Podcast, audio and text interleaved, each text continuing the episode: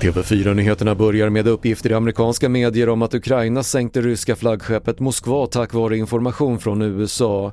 Samtidigt dementerar Pentagon uppgifter om att USA hjälpt Ukraina att döda ryska generaler under kriget med hjälp av underrättelser i realtid.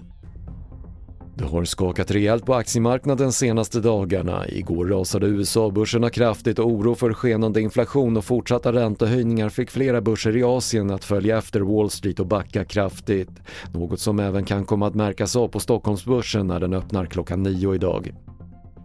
Och efter två år av pandemibegränsningar blomstrar evenemangsbranschen men samtidigt som det kryllar av konserter råder det hård konkurrens mellan arrangörerna om datumen. Det är inte bara nya konserter och event som släpps nu utan eh, det finns ju bara ett visst antal datum på ett år och det är konkurrens med både nya evenemang men också de som skulle ha genomförts under pandemin men som har flyttats om och om. Det sa Tixters VD Niklas Lindeberg och fler nyheter hittar du på tv4.se. Jag heter Patrik Lindström.